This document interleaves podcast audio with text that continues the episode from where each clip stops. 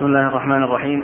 الحمد لله رب العالمين والصلاة والسلام على عبد الله ورسوله نبينا محمد وعلى آله وصحبه أجمعين أما بعد. قال الإمام الحافظ أبو عيسى الترمذي يرحمه الله تعالى في جامعه باب ما جاء في الغسل من الجنابة. قال حدثنا هناد قال حدثنا وكيع عن الأعمش عن سالم بن أبي الجعد عن كريب عن ابن عباس عن خالته ميمونة رضي الله عنهم. أنها قالت وضعت للنبي صلى الله عليه وعلى آله وسلم غسلا فاغتسل من الجنابة فأكفأ فأكفأ الإناء بشماله على يمينه فغسل كفيه ثم أدلى يده في الإناء فأفاض على فرجه ثم دلك بيده الحائط أو الأرض ثم مضمض واستنشق وغسل وجهه وذراعيه ثم أفاض على رأسه ثلاثا ثم أفاض على سائر جسده ثم تنحى فغسل رجليه. قال أبو عيسى هذا حديث حسن صحيح. قال وفي الباب عن أم سلمة وجابر وأبي سعيد وجبير بن مطعم وأبي هريرة رضي الله عنهم. قال حدثنا ابن أبي عمر. قال حدثنا سفيان بن عيينة عن هشام بن عروة عن أبيه عن عائشة رضي الله عنها أنها قالت كان رسول الله صلى الله عليه وعلى آله وسلم إذا أراد أن يغتسل من الجنابة بدأ فغسل يديه قبل أن يدخلهما الإناء ثم غسل فرجه ويتوضأ وضوءه للصلاة ثم يشرب شعره الماء ثم يحفي على رأسه ثلاث حثيات. قال أبو عيسى هذا حديث حسن صحيح وهو الذي اختاره أهل العلم في الغسل من الجنابة أنه يتوضأ وضوءه للصلاة ثم يفرغ على رأسه ثلاث مرات ثم يفيض الماء على سائر جسده ثم يغسل قدميه. والعمل على هذا عند أهل العلم. فقالوا إن انغمس الجنب في الماء ولم يتوضأ أجزأه. وهو قول الشافعي وأحمد وإسحاق. قال رحمه الله تعالى باب هل تنقض المرأة شعرها عند الغسل؟ بسم الله الرحمن الرحيم الحمد لله رب العالمين وصلى الله وسلم وبارك على عبده ورسوله نبينا محمد وعلى آله وأصحابه أجمعين. أما بعد فيقول الإمام أبو عيسى الترمذي رحمه الله في جامعه باب في الغسل من الجنابة. الجنابة هي خروج المني سواء في النوم أو اليقظة وكذلك أيضا تكون بالتقاء الختانين.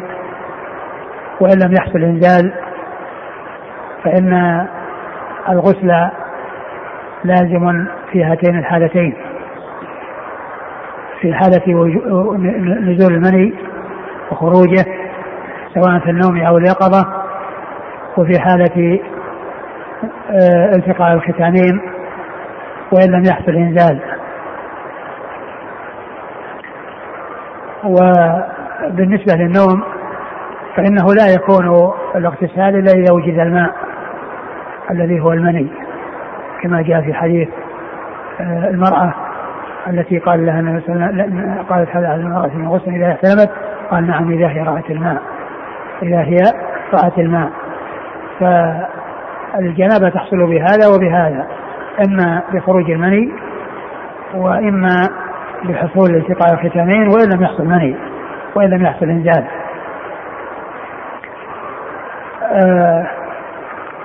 أورد أبو عيسى رحمه الله حديث ميمونة في صفة غسل النبي صلى الله عليه وسلم وهو أن أنه صلى الله عليه وسلم أتته بغسل والمراد به الماء الذي يغتسل به يقال له غسل. فأكفأ على يديه وغسلهما خارج الإناء. وهذا كما هو معلوم من الأمور المطلوبة عند الاغتسال عند عند الوضوء وكذلك عند الاغتسال أنه يفرغ على يديه ويغسلهما خارج الإناء الذي يتوضأ منه أو يغتسل منه ثم بعد ذلك يبدأ بإدخال اليد فيه وأخذ الماء منه للوضوء أو الاغتسال. فأفرغ على يديه وغسلهما خارج الإناء. ثم توضأ وضوءه للصلاة تمضمض واستنشق فغسل وجهه وغسل يديه ويعني حث على رأسه وأفاض على سائر جسده ثم غسل رجليه. وهذا هو الغسل الكامل الذي يكون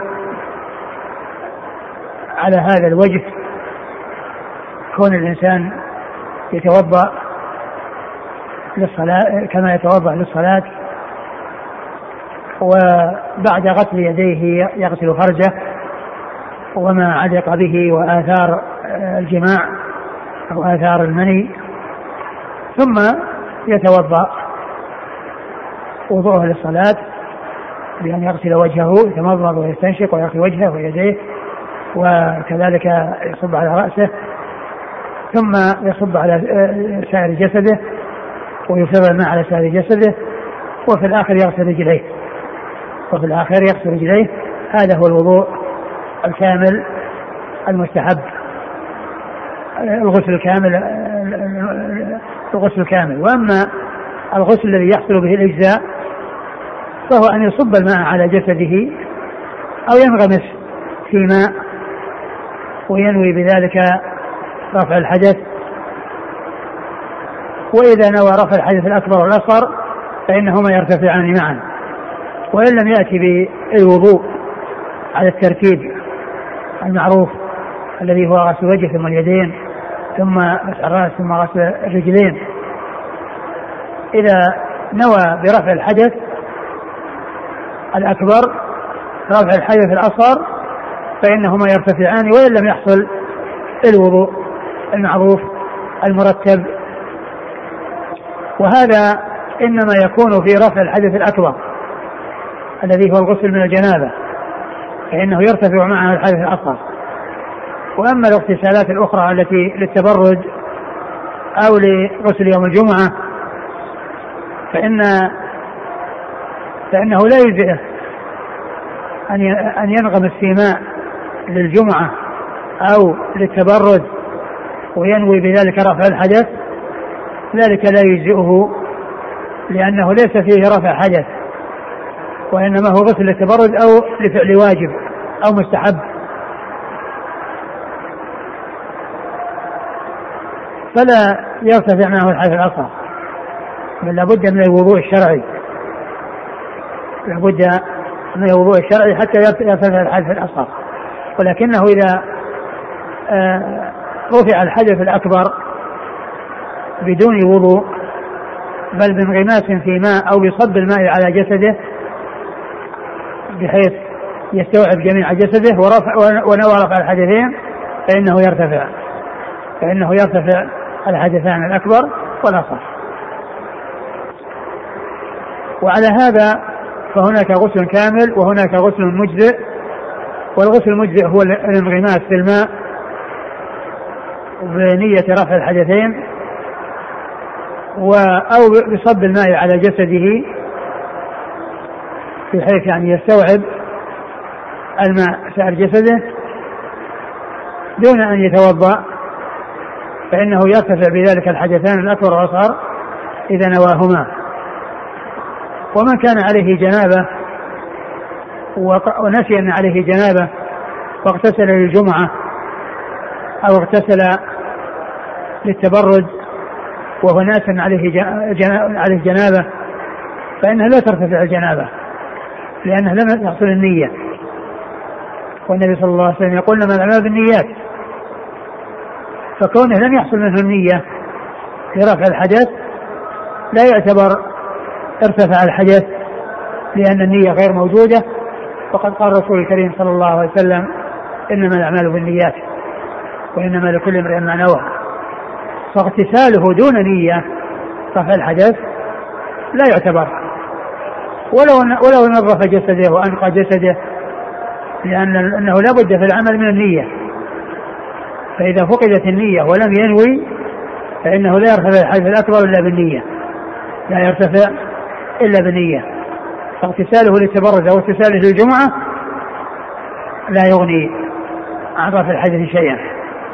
لكن لو أنه اغتسل للجنابة ونوى بذلك أيضا آه، أنه يغتسل للجمعة فإنه لا بأس بذلك.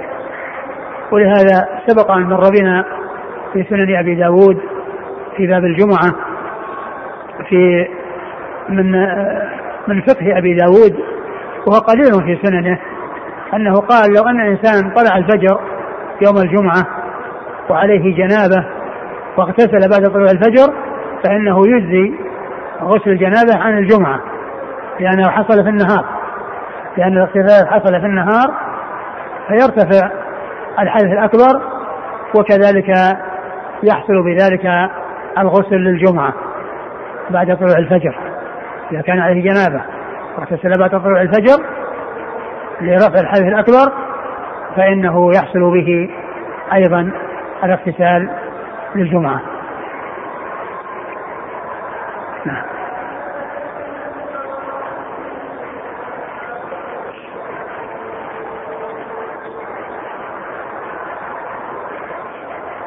عن ميمونة رضي الله عنها أنها قالت وضعت للنبي صلى الله عليه وآله وسلم غسلا فاغتسل من الجنابة فأكفأ الإناء بشماله على يمينه فغسل كفيه ثم أدلى يده في الإناء فأفاض على فرجه ثم دلك بيده الحائط أو الأرض. وهذا وهذا يعني فيه يعني إن أنها عندما يعني يغسل فرجه وفيه الآثار التي فيها لزوجة بسبب ما حصل بسبب الجماع فإنه يخففها ويزيلها بكونه يدلك الأرض أو الجدار بيده حتى يذهب يعني ذلك الأثر. ولكن إذا كان الإنسان يغتسل وتابع الغسل بالماء حتى أنقى وذهبت اللزوجة فإن ذلك يكون كافيا. فإن ذلك يكون كافيا. نعم. ثم دلك بيده الحائط أو الأرض ثم مضمض واستنشق وغسل وجهه وذراعيه ثم أفاض على رأسه ثلاثا ثم أفاض على سائر جسده ثم تنحى فغسل رجليه. أفاض على رأسه ثلاثا يعني يعني يكون في ذلك يعني آه، الغسل آه، آه، حصول الغسل للرأس ويدخل في ذلك ما هو مطلوب في الوضوء الذي هو المسح. ثم بعدما يصب على رأسه يعني ثلاثا بحيث يرويه يروي الشعر بالماء ثم يفيض على سائر جسده.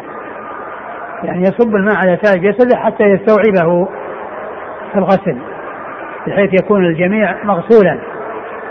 وإنما خص الشعر شعر الرأس بالحثي عليه ثلاث حثيات من الماء ليدخل إلى أصوله وليحصل يعني غسل الشعر. ثم بعد ذلك يفيض الماء على سائر الجسد يفيض الماء على سائر الجسد ثم يغسل رجليه ثم يغسل رجليه وبذلك يكون حصل الغسل الأكمل أو الكامل؟ نعم.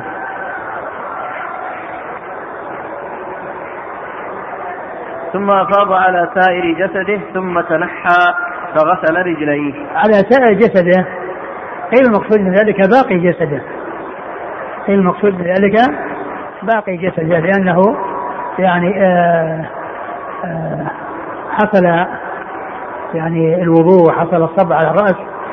وقيل إن المقصود ذلك أنه يصب على جميع جسده. يصب على جميع جسده. وفيه خلاف في إطلاق كلمة سائر على الجميع. هي لا شك أنها تطلق على الباقي. تطلق على الباقي. ولكنها تطلق على بمعنى الجميع. هل تطلق بمعنى الجميع؟ المشهور أنها تطلق بمعنى الباقي. وبعض أهل اللغة يقول أنها تطلق على الجميع. والجوهري صاحب الصحاح في اللغة ذكر الحافظ بن حجر في ترجمة في لسان الميزان أنهم عابوا عليه آه ذكره سائر بمعنى الجميع. سائر بمعنى الجميع لأن المشهور والمعروف أنها تطلق على الباقي. والشارح ذكر الكلام على يعني حول هذه المسألة لقضية السائر إيش قال؟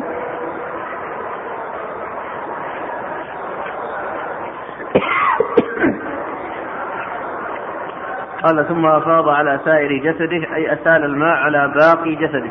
قال في القاموس السائر الباقي لا الجميع كما توهم جماعات وقد يستعمل له.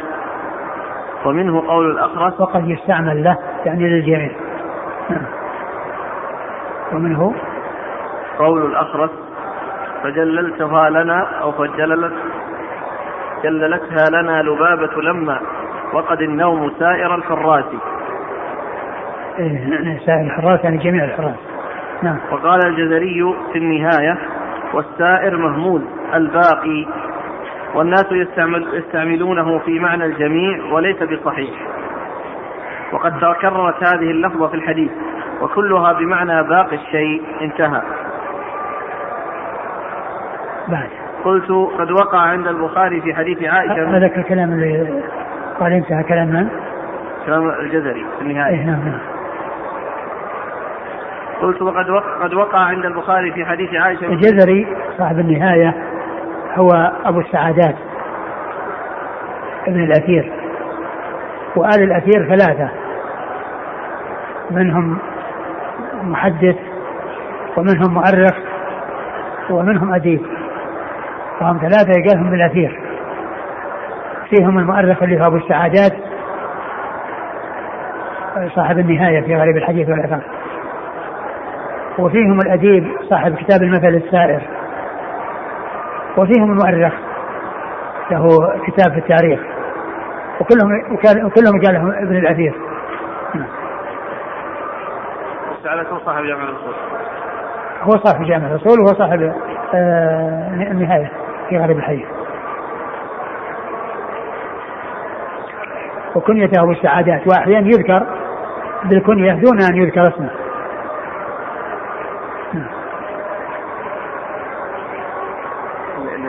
التاريخ كامل ابن الاثير؟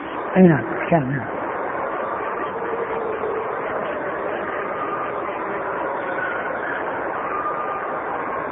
قلت قد وقع عند البخاري من حديث في حديث عائشة من طريق مالك عن هشام عن أبيه عنها ثم يفيض الماء على جلده كله. قال الحافظ هذا التأكيد يدل على أنه عمم جميع جسده بالغسل بعدما تقدم. انتهى ووقع في حديثها من طريق بعد ما تقدم يعني أن الذي وصل إليه الغسل الأول و والذي لم يصل إليه كله عممه. نعم. فتكون فيكون معنى هذا يعني بمعنى الجميع سائر بمعنى الجميع. فيكون يعني مثلا هذه الرواية التي قال على جسده كله يعني تقابل يعني ما جاء في بعض الحديث سائر فيكون معناها الجميع يعني قد تطلق على الجميع.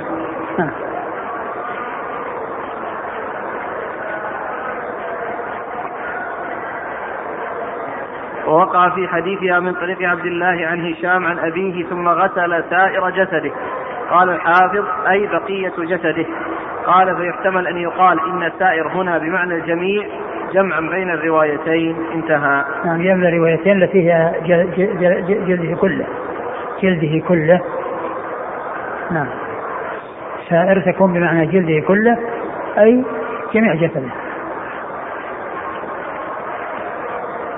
قالت رضي عنها ثم تنحى فغسل رجليه.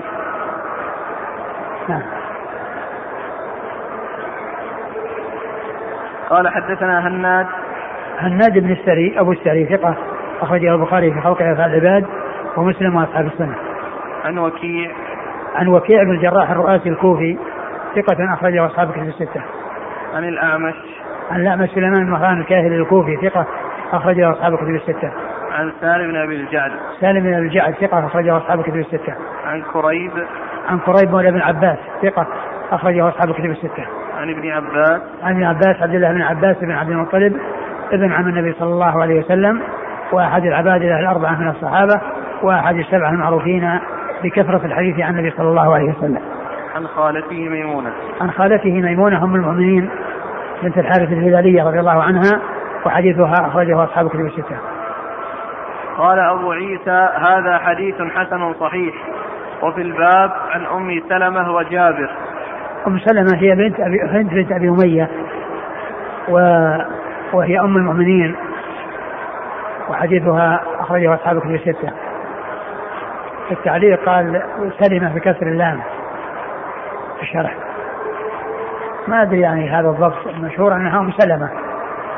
وفي القاموس قال يعني سلمة بفتح اللام وأما سلمة فإن الذي يعرف في بطن من الأنصار يقال لهم سلمة. وما عدا ذلك فهو سلمة. وهنا في الضبط في الشرح قال أم سلمة. يعني هذا الضبط غريب يعني. ما أدري هو يعني مقصود ولا أنه جاء خطأ؟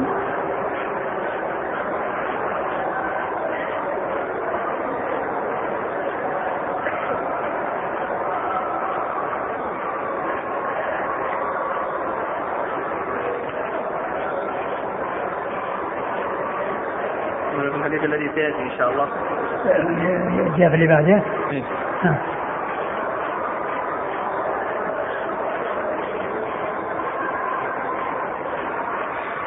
وجابر جابر بن عبد الله الأنصاري رضي الله عنهما وهو أحد السبع المعروفين بكثرة الحديث عن النبي عليه الصلاة والسلام. وأبي سعيد وأبي سعيد هو سعد بن مالك بن سنان الخدري وهو أحد السبع المعروفين أيضا بكثرة الحديث عن النبي صلى الله عليه وسلم. وجبير بن مطعم وجبير بن مطعم النوفلي وحديثه أخرجه أصحاب الكتب الستة. وأبي هريرة. وأبي هريرة عبد الرحمن بن صخر الدوسي وهو أكثر الصحابة حديثا على الإطلاق.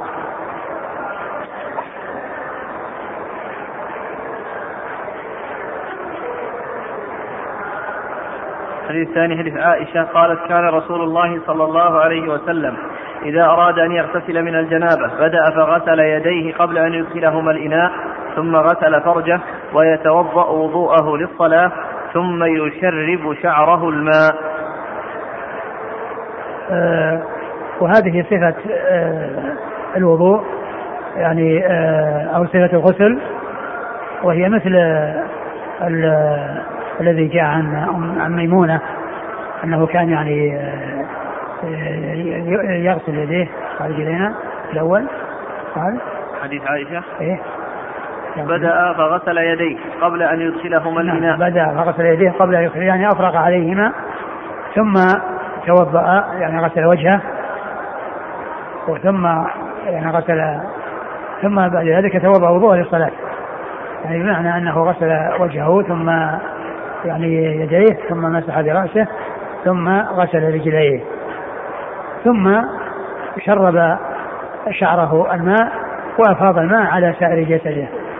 وهو متفق مع حديث ميمونة إلا أنه في حديث ميمونة ما ذكر مسح الرأس وإنما ذكر الصب عليه وهناك ذكر غسل الرجلين بعد الفراغ من الاغتسال. وهنا ذكرت أنه توضأ وضوءها للصلاة ثم ومعنى وضوءه للصلاة معناه أنه انتهى بغسل الرجلين الذي ينتهي بغسل الرجلين فيكون غسل الرجلين متقدم على غسل سائر الجسد. نعم قال إيش؟ توضأ وضوءه للصلاة. إيه.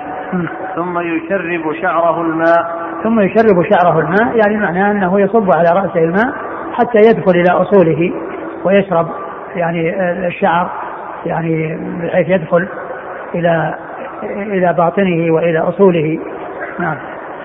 ثم يحفي على رأسه ثلاث حثيات. ثم يحفي على رأسه ثلاث حثيات. نعم. يعني فيكون كأنه يشرب. يعني معناه أنه كأنه يعني شيء غير الثلاث الحثيات. نعم. قال حدثنا ابن أبي عمر ابن أبي عمر هو محمد بن يحيى بن أبي عمر آه، صدوق أخرج حديثه البخاري وأبو داود. أخرج له مسلم والترمذي والنسائي. أخرج حديثه مسلم وأبو داود. لا لا مسلم والترمذي والنسائي. مسلم والترمذي والنسائي وابن ماجه. ليس في البخاري ولا أبو داود. عن سفيان بن عيينة. عن سفيان بن عيينة المكي وهو ثقة أخرج له أصحاب الكتب الستة. عن هشام بن عروة. عن هشام بن عروة ثقة أخرج له أصحاب الكتب الستة. عن أبي عن أبي عروة بن الزبير بن العوام وهو ثقة فقيه.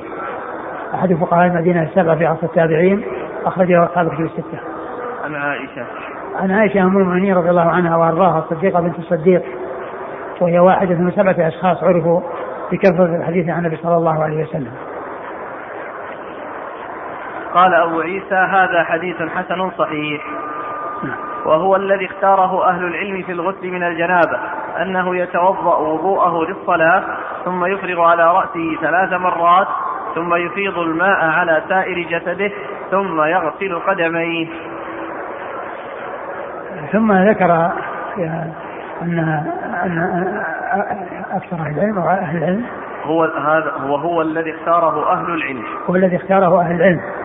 يعني بالكيفية الكاملة أنه يتوضأ وضوء للصلاة ثم يعني يفيض على سائر جسده ثم يغسل رجليه وهذا هو الذي مر في حديث آه، ميمونة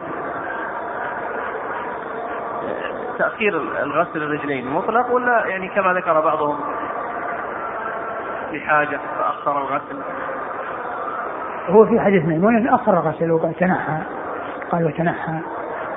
وحديث عائشة توضأ وضوءه للصلاة يدل على أنه متقدم. اختيار أهل العلم على تأخير غسل القدمين. يعني كما جاء في حديث ميمونة. كما جاء في حديث ميمونة. توجيه البعض بأنه لعل المكان كان فيه.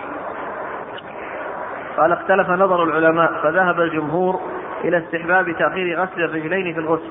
نعم. وعن مالك إن كان المكان غير نظيف فالمستحب تأخيرهما وإلا في التقديم. وعند الشافعية في الأفضل قولان.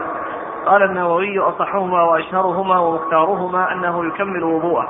قال لأن أكثر الروايات عن عائشة وميمونة كذلك.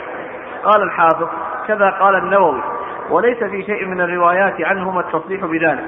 بل هي إما محتملة كرواية توضأ وضوءه للصلاة أو ظاهرة في تأخيرهما كرواية أبي معاوية عن هشام بن عروة عن أبيه عن عائشة.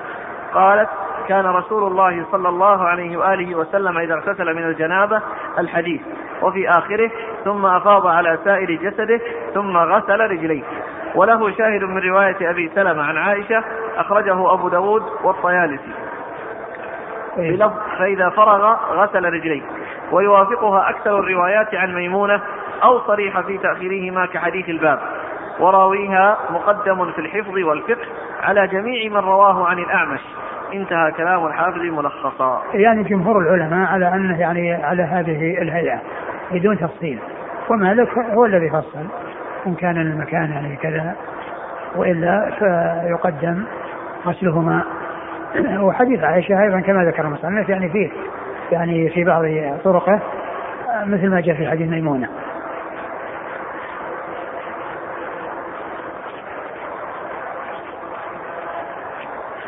والعمل على هذا عند أهل العلم.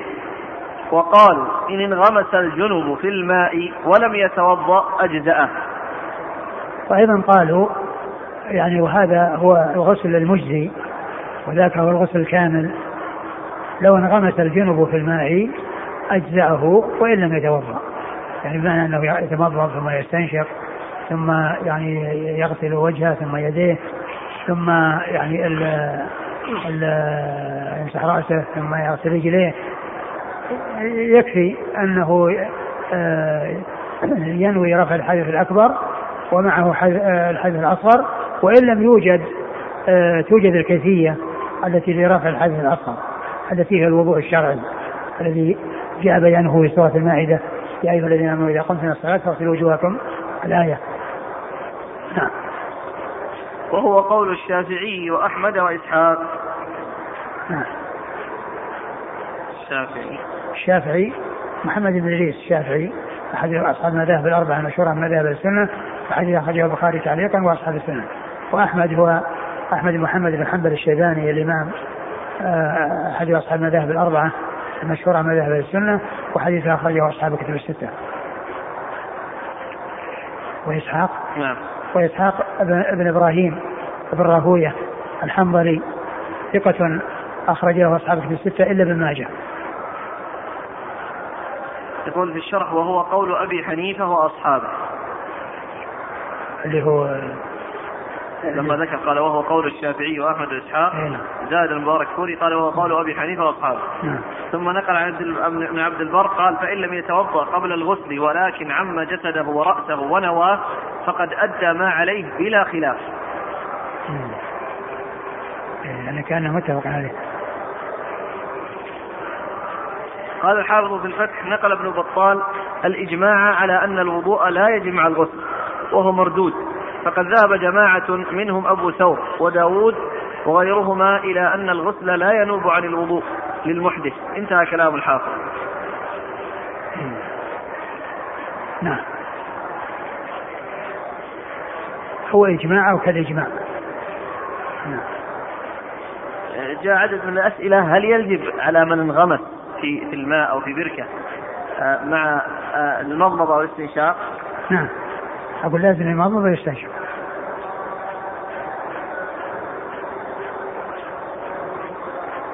سواء قبل أو بعد أو في آخر ما. لأن. هذا السؤال يقول هل يجب قبل أن ينغمس أن يتمضمض ويستنشق؟ لا هو مثل الاغتسال كما هو معلوم الاغتسال ما معه وضوء. أقول ليس معه وضوء إذا كان غسل مجزي يعني يتمضض ويستنشق ويغتسل ويشرب الماء على سائر جسده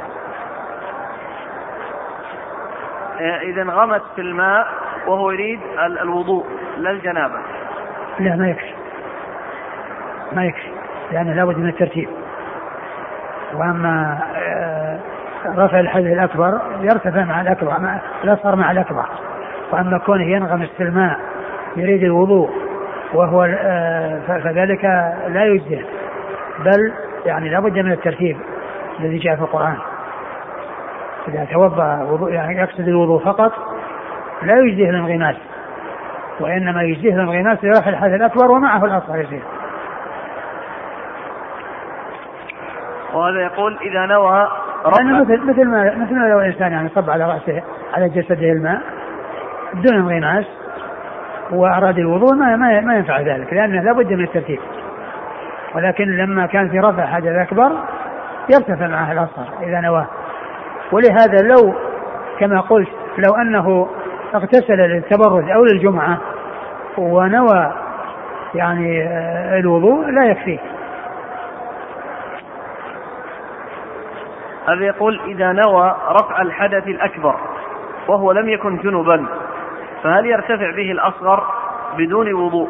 كيف يعني الحدث الأكبر ليس الجنوب الحدث الأكبر هو الجنوب هو الجنابة.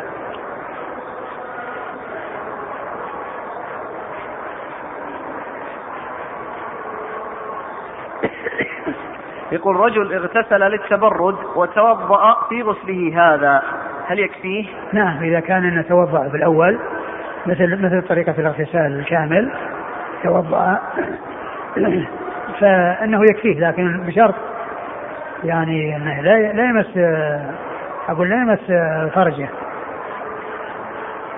يعني آه، في أثناء ذلك هنا سؤال في هذا الموضوع. يقول بارك الله فيك. إذا مس هل يضر إذا لمس الإنسان ذكره متعمدا أو ناسيا أثناء الغسل؟ وذلك بعد الوضوء ولكن أثناء إفاضة الماء على الجسد. نعم. يضر يأثر. لأن الو- ال- ال- الوضوء يعني آه، ما يكون معه لمس آه، الذكر. لأن لمس الذكر ينقض الوضوء. مثل ما لو إنسان توضأ وغسل يعني مثلا بعض جسده ثم لمس ذكره لازم يعيد الوضوء من أوله. لكن ما يعتبر إفاضة الماء أحسن الله إليك. هذا هو الرافع للحدث الأكبر. ويندرج تحته الأصغر؟ نعم هذا إذا كان أنه يعني س, س يعني يأتي بال بهذا اللي هو إفاضة الماء على جسده وفي نفس الوقت أيضا مع إفاضة على جسده لا يلمس ذكره إلا في الأول. لا هو يقول في الأثناء. أقول لا يلمس إفاضة الماء. أقول لا يلمس ذكره إلا في الأول. عندما يغتسل يعني يلمس ذكره في الأول وبعد ذلك لا يعود إلى لمس الذكر. وهذا يقول فضيلة الشيخ هل يشترط في الغسل إمرار اليد على الأعضاء أم يكفي الصب؟ لا يكفي ولكن لا شك أن الإمرار أفضل وأولى لأن الإسباغ إسباغ الوضوء كما هو معلوم يكون بالدلك. وأما الإجزاء كما عرفنا لو انغمس لو انغمس في الماء كفاه.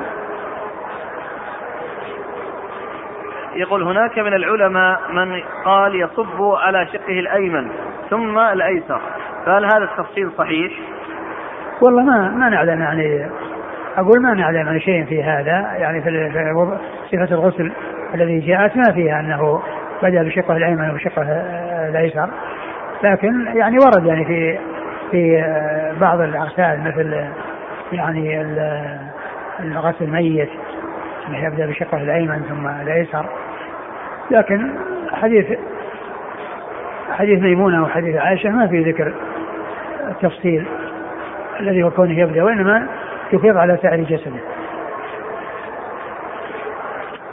يقول اغتسل رجل ونسي المضمضة والاستنشاق فهل يجزئه؟ وقد صلى بهذا الغسل. لا ما يجزئه.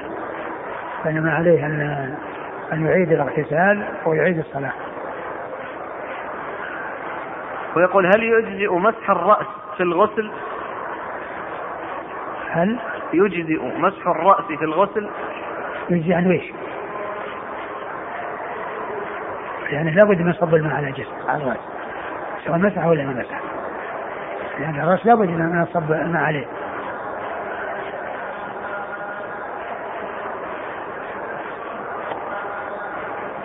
قال رحمه الله تعالى باب هل تنقض المرأة شعرها عند الغسل؟ قال حدثنا ابن أبي عمر قال حدثنا سفيان عن أيوب بن موسى عن سعيد المقبوري عن عبد الله بن رافع عن أم سلمة رضي الله عنها أنها قالت قلت يا رسول الله إني امرأة أشد ظفر رأسي أفأنقضه لغسل الجنابة؟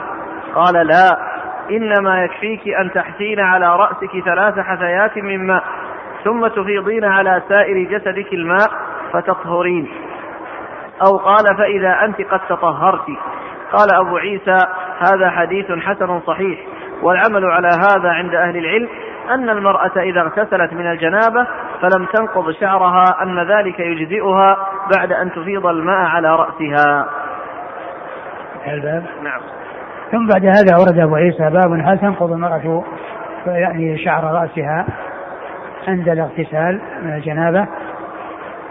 والمعنى أنه لا يلزمها ذلك بل يكفيها أن يعني تفيض أن تصب الماء على رأسها حتى يصل إلى الأصول وإن لم ينقض الشعر. وإن لم ينقض الشعر. وقد أورد أبو عيسى حديث أم سلمة رضي الله عنها أنها سألت النبي صلى الله عليه وسلم وأنها كانت تشد ظفر آه، يعني شعر رأسها. والمقصود ظفر يعني يعني فتله ويعني أحكامه. آه، آه، فهل تنقضه هذا الذي شدته قبل ذلك أو لا تنقضه؟ فأخبرها النبي صلى الله عليه وسلم بأنها لا تنقضه وإنما يكفيها أن تصب عليه الماء يعني حتى يصل إلى أصوله ولا يحتاج إلى أن ينقض. وهذا من تيسير الله عز وجل في في في شرعه. نعم.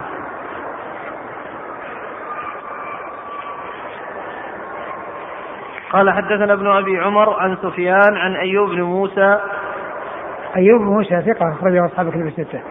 عن سعيد المقبري سعيد المقبري ثقة أخرجه أصحاب الكتب الستة. عن عبد الله بن رافع. عن عبد الله بن رافع ثقة أخرج له. مسلم وأصحاب السنة. مسلم وأصحاب السنة. عن أم سلمة. عن أم سلمة رضي الله عنها وقد مر ذكرها.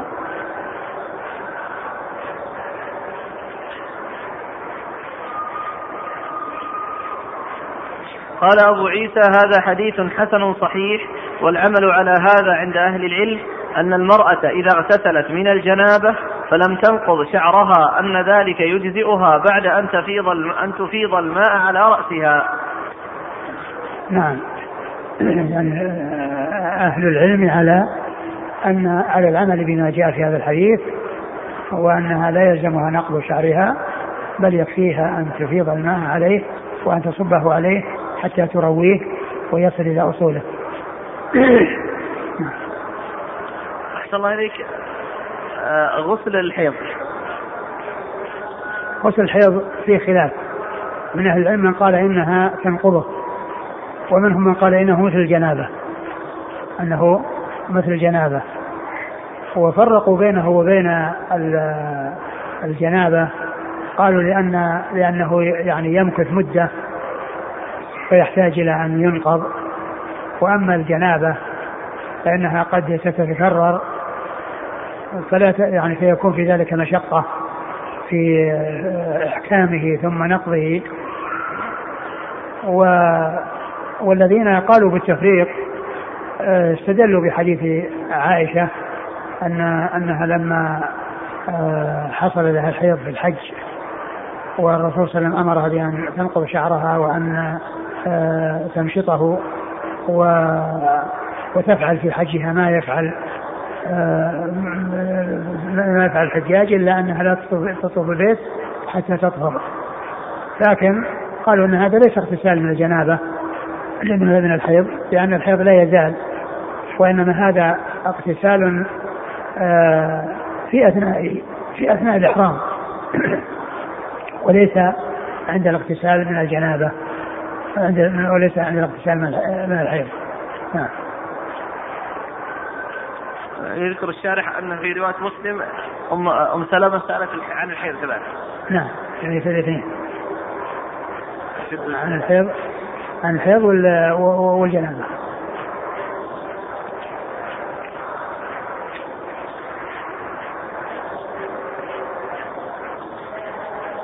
قال رحمه الله تعالى باب ما جاء أن تحت كل شعرة جنابة. قال حدثنا نصر بن علي قال حدثنا الحارث بن وزيه قال حدثنا مالك بن دينار عن محمد بن سيرين عن أبي هريرة رضي الله عنه عن النبي صلى الله عليه وعلى آله وسلم أنه قال تحت كل شعرة جنابة فاغسلوا الشعر وأنقوا البشر. قال وفي الباب عن علي وأنس رضي الله عنهما.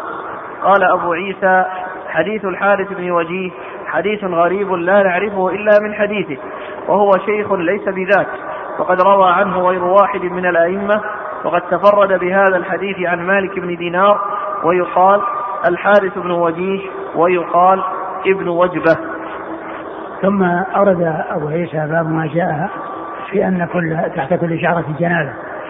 ومعنى ذلك أنها أنه يغسل الشعر ذلك أنه ينقض ولهذا أورد المصنف الحديث بعد الباب الذي قبله أو الباب بعد الذي قبله في الباب الذي قبله أنها تصب عليه الماء ولا تنقضه.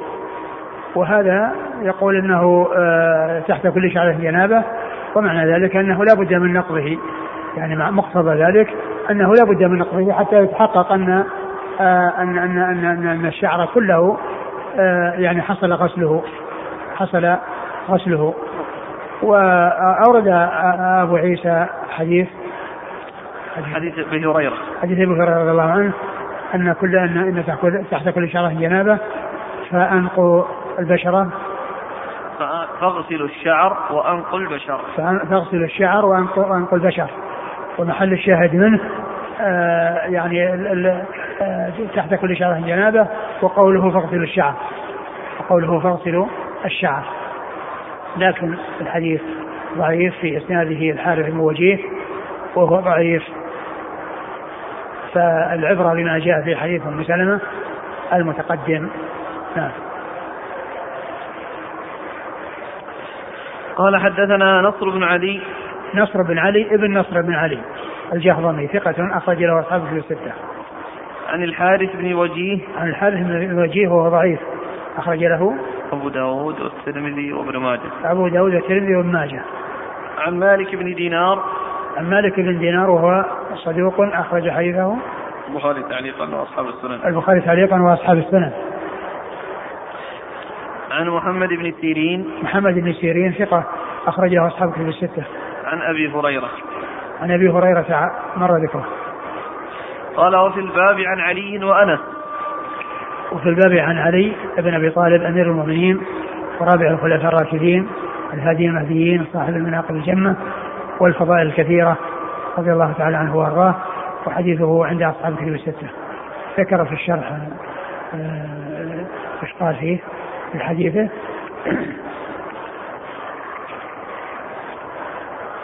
قال أما حديث علي فأخرجه أحمد وأبو داود عنه قال سمعت رسول الله صلى الله عليه وآله وسلم يقول من ترك موضع شعرة من جنابة لم يصبها الماء فعل الله به كذا وكذا من النار.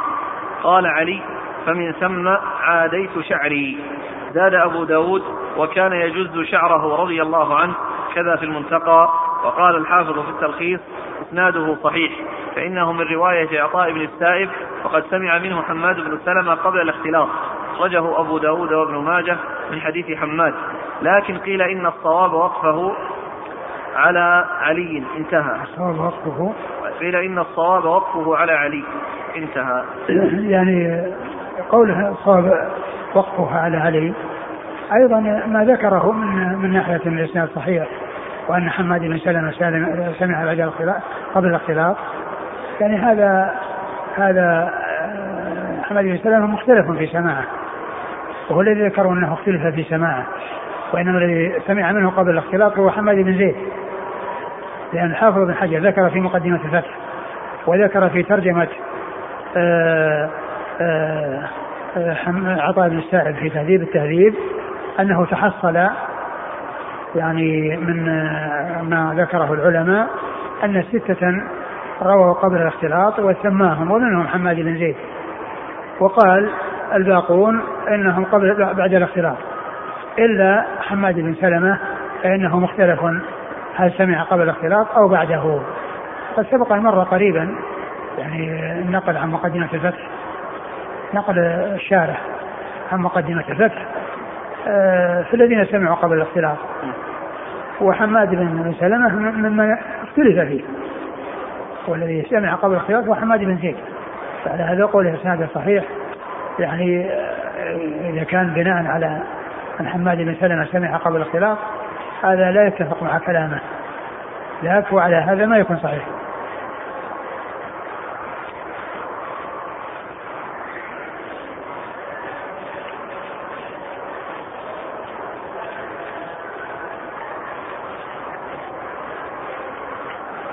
قال وفي الباب عن علي وأنس.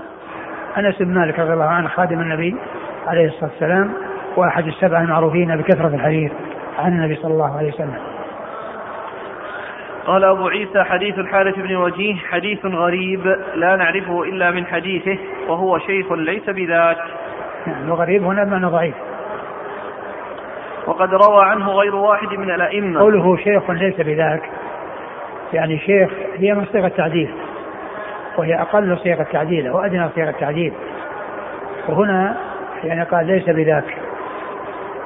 يعني فيكون آه، المعتبر قوله ليس بذاك. ليس بذاك هي التي جرح. وأما شيخ فهي من صيغ التعديل إيش قال في الشرح؟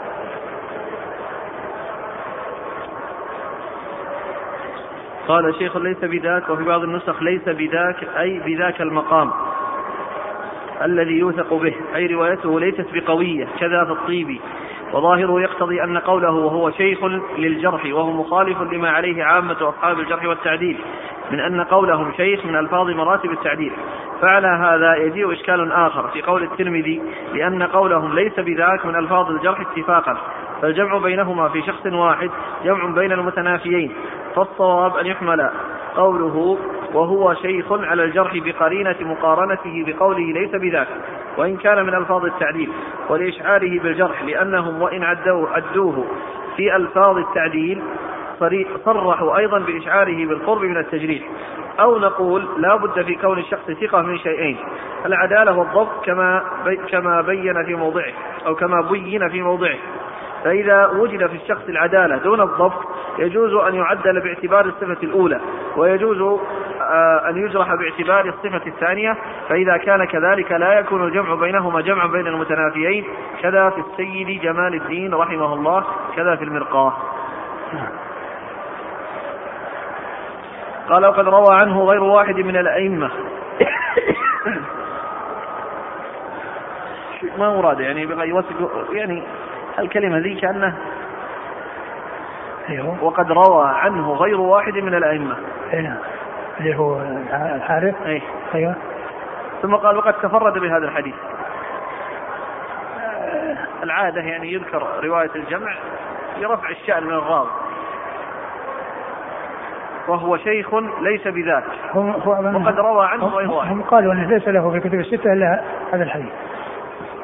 ليس له في الكتب الستة إلا هذا الحديث. ابن أحمد شاكر اللي قال هذا.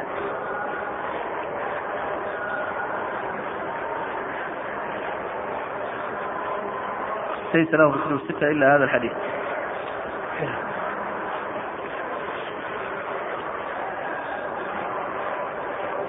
وكان الضعف مو يعني قضية يعني جهالة أو أو جهالة حال يعني كان في جرح جرح قال ضعيف. يعني ذاك الذي كثر الرواة عنه يعني يرتفع ترتفع عن الجهالة. لكن القضية هي قضية ارتفاع جهالة قضية جرح. إيه لكن أنا أسأل أقول يعني إيراد الكلام الترمذي هنا بعد قوله وهو شيخ ليس بذاك وقد روى عنه غير واحد من الأئمة. إيه يعني روى عن واحد يعني هو ضعيف. لا ما أنا ناقض بس أقول يعني هذه العبارة يجي أتي بها هنا إيه. بعد أن حكم على على الرجل بالضعف ليس بذاك إيه نعم. وش؟ يعني كان يعني يعني كأنها الرواية عنها عن وقد ومعنى تم- هذا أنه خارج ال- خارج الكتب الستة. هذا الكلام خارج الكتب الستة. لأنه ما يسأل الكتب الستة إلا الحديث يعني وهي في ثلاثة من الكتب الستة.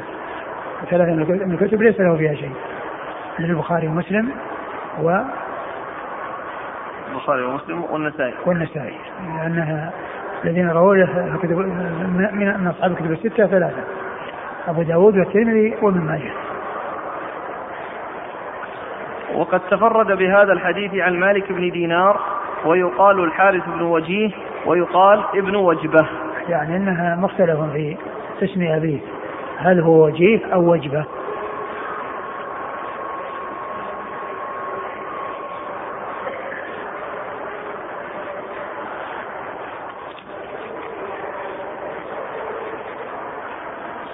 يقول حفظك الله إذا كان الشعر على شكل الضفائر فتكتفي المرأة بغسل أصول الشعر دون بقية الشعر؟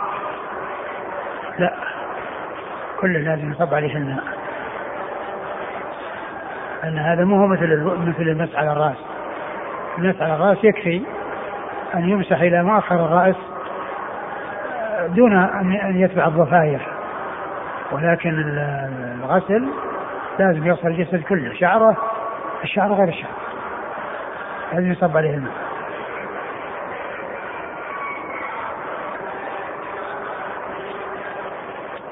قال رحمه الله تعالى باب ما جاء في الوضوء بعد الغسل.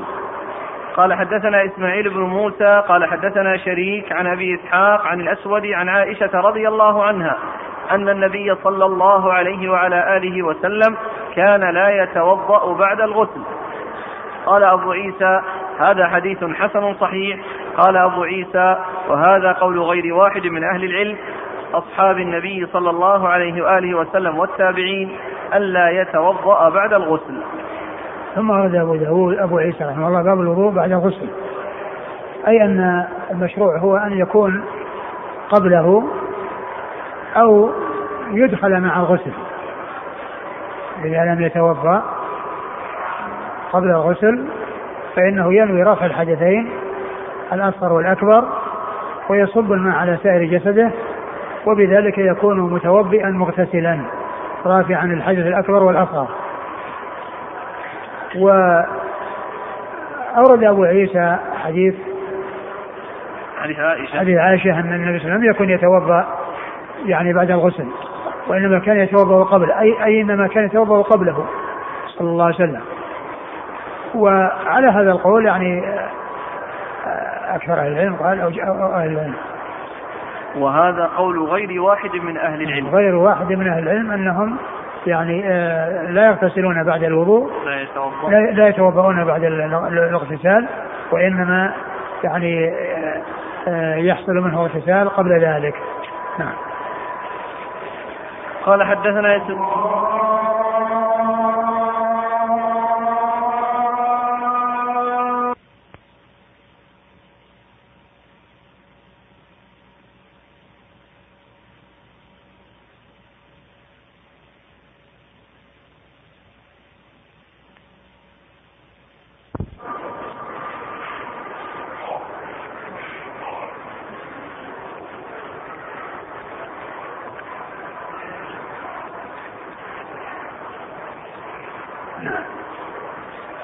قال حدثنا إسماعيل بن موسى.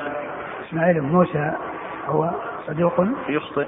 صدوق يخطئ أخرج له البخاري في خلق أفعال العباد وأبو داود والترمذي وابن ماجه.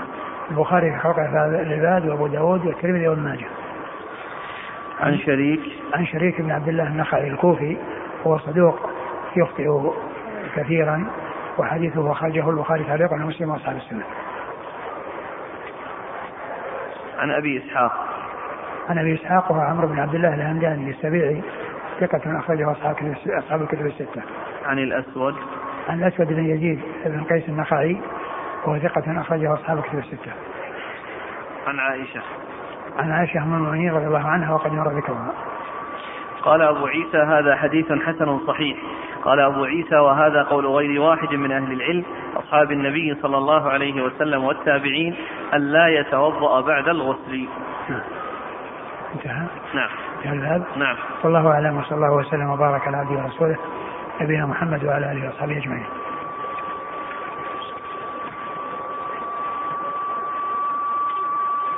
يقول السائل أديت الحج والعمرة عن نفسي سنة 89 وجئت أؤدي عمرة عن زوجتي. هل أؤدي العمرة أولا عن نفسي أو عن زوجتي؟ ما أدري زوجته هل هي على قيد الحياة أو متوفاة؟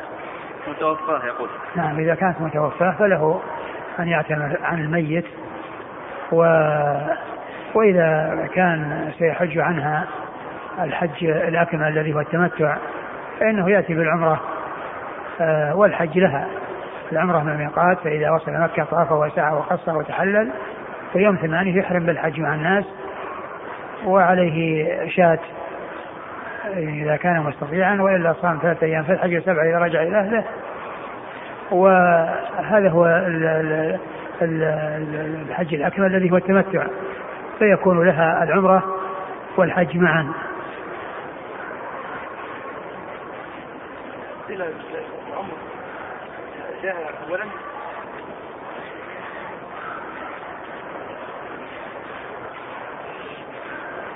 العمرة في التمتع تكون أولا. طيب شيخ بارك الله فيك. أو يسأل الآن هو له نية الآن بيسوي عمرة. أو حج عن نفسه واعتمر. الآن يريد جاء بس العمرة بس. يسأل بارك الله فيك يقول أدخل مكة بنية عمرة عن زوجتي. فقط بدون حج؟ اي اي الآن بس. إيه الآن. أيام أي نعم أو, أو يقول أعتمر عن نفسي أول ثم نؤدي عمرة بعدين عن زوجتي. هو الاشكال أيهما يقدم؟ نفسه الآن؟ هو سبق أن اعتمر. حج واعتمر عن نفسه سنة 98 الآن لك ان لك أن تعتمر لنفسك ولك أن تعتمر لزوجتك. لك أن تفعل هذا ولك أن تفعل هذا. ما دمت قد اعتمرت عن نفسك سابقا.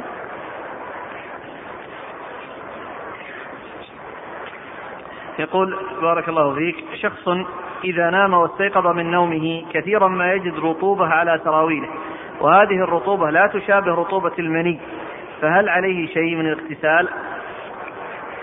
إذا كان إذا كان أنها يعني آه، آه، شعر في المنام بأن فيه فيه يعني آه، جماع أو استمتاع وجد يعني شيء من الماء بعد ذلك فإنه يتعين عليه الغسل وإذا كان هذا يعني شيء يعني ليس يعني ليس بماء في المني و ولا يعني يشعر بأنه حصل له شيء يعني في المنام.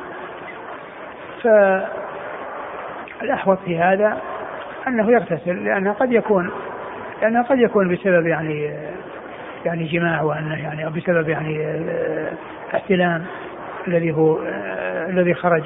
أما إذا كان يعني مذي أو شيء يعني آه، يختلف وأن الإنسان يعني سبق أن فكر وحصل نتيجة التفكير أن يحصل مثل هذا هذه الرطوبة التي هي مذي. فالمذي لا يوجب الاغتسال وإنما يوجب الوضوء فقط.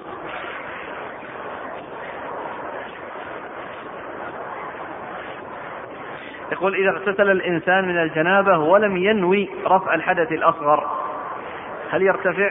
لا ما يرتفع. يقول إذا كانت المرأة عليها جنابة وحيض فعند الغسل تنوي رفع الجنابة مع الحيض أو العكس أو لكل غسل. كل كل كل منهما تنويهما جميعا. يعني كل منهم كل منهم لازم.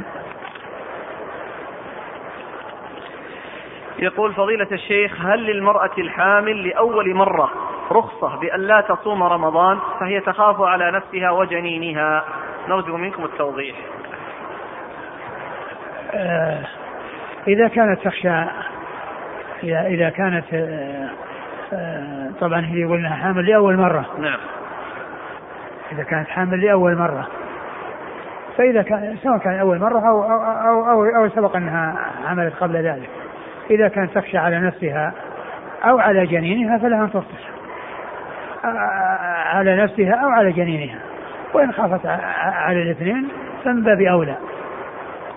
فمن باب أولى فلها أن تفطر وماذا يلزم عليها الإفطار؟ ماذا يلزم عليها؟ يلزم يلزمها أن تقضي يلزمها أن تقضي وإذا كان يعني فطرها من أجل الجنين أو من أجل مصلحة الجنين فإنه يعني يلزمها آه، أن تطعم آه، مع مع آه، مع القضاء مسكينا لكل يوم.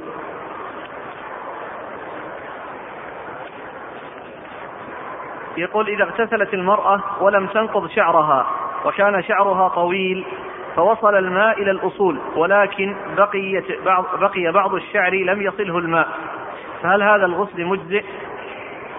إذا كانت تصب الماء على رأسها من فوق فسيأتي على ما استغسل وأما إذا كان الشعر طويل وهي آه، تصب عليه بيدها وتغسل يعني مقدمة ومؤخرا ما شيء لابد لابد من من من غسل الشعر كله.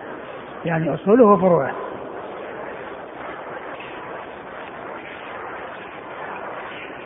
شخص صلى في مسجد فيه قبر ولم يدري بالقبر إلا بعد انتهاء الصلاة فهل يعيد صلاته؟ آه، قضية الإعادة يعني هذا فيه خلاف بين العلم. هل يعني آه، الصلاة تصح أو لا تصح؟ لكن إذا كان ما علم وما شعر بذلك فنرجو أنه ليس عليه إعادة. يقول أنا في بلد يكثر تكثر فيه المساجد التي بها قبور. فإذا دخلت المسجد لكي أصلي هل يجوز لي أن أسأل هل هذا المسجد فيه قبر أو لا أو يعتبر هذا من التنطع؟ آه على الإنسان أن يكون على علم بالمساجد التي فيها قبور والمساجد التي ليس فيها قبور قبل ذلك حتى يقدم على آه، آه، الذهاب إلى مسجد لا قبر فيه وإذا كانت إن المساجد يعني الغالب إنها فيها قبور فكونه يسأل ليس هذا من التنطع لأن هذا من أجل عدم الوقوع في الأمر المحرم. الله عليك بالأمس كان في سؤال عن المرأة التي ذهبت مع أبيها إلى العمرة فأتتها العادة فاستعت من أبيها أن تخبره فأدت المناسك. أشكل على السامع آه، جوابكم. هل ترجع لتعيد العمرة بكاملها أو ترجع لتطوف الطواف فقط؟ ال ال هي ما دام أنها لم تطوف. هي ما دام أنها لم تطوف.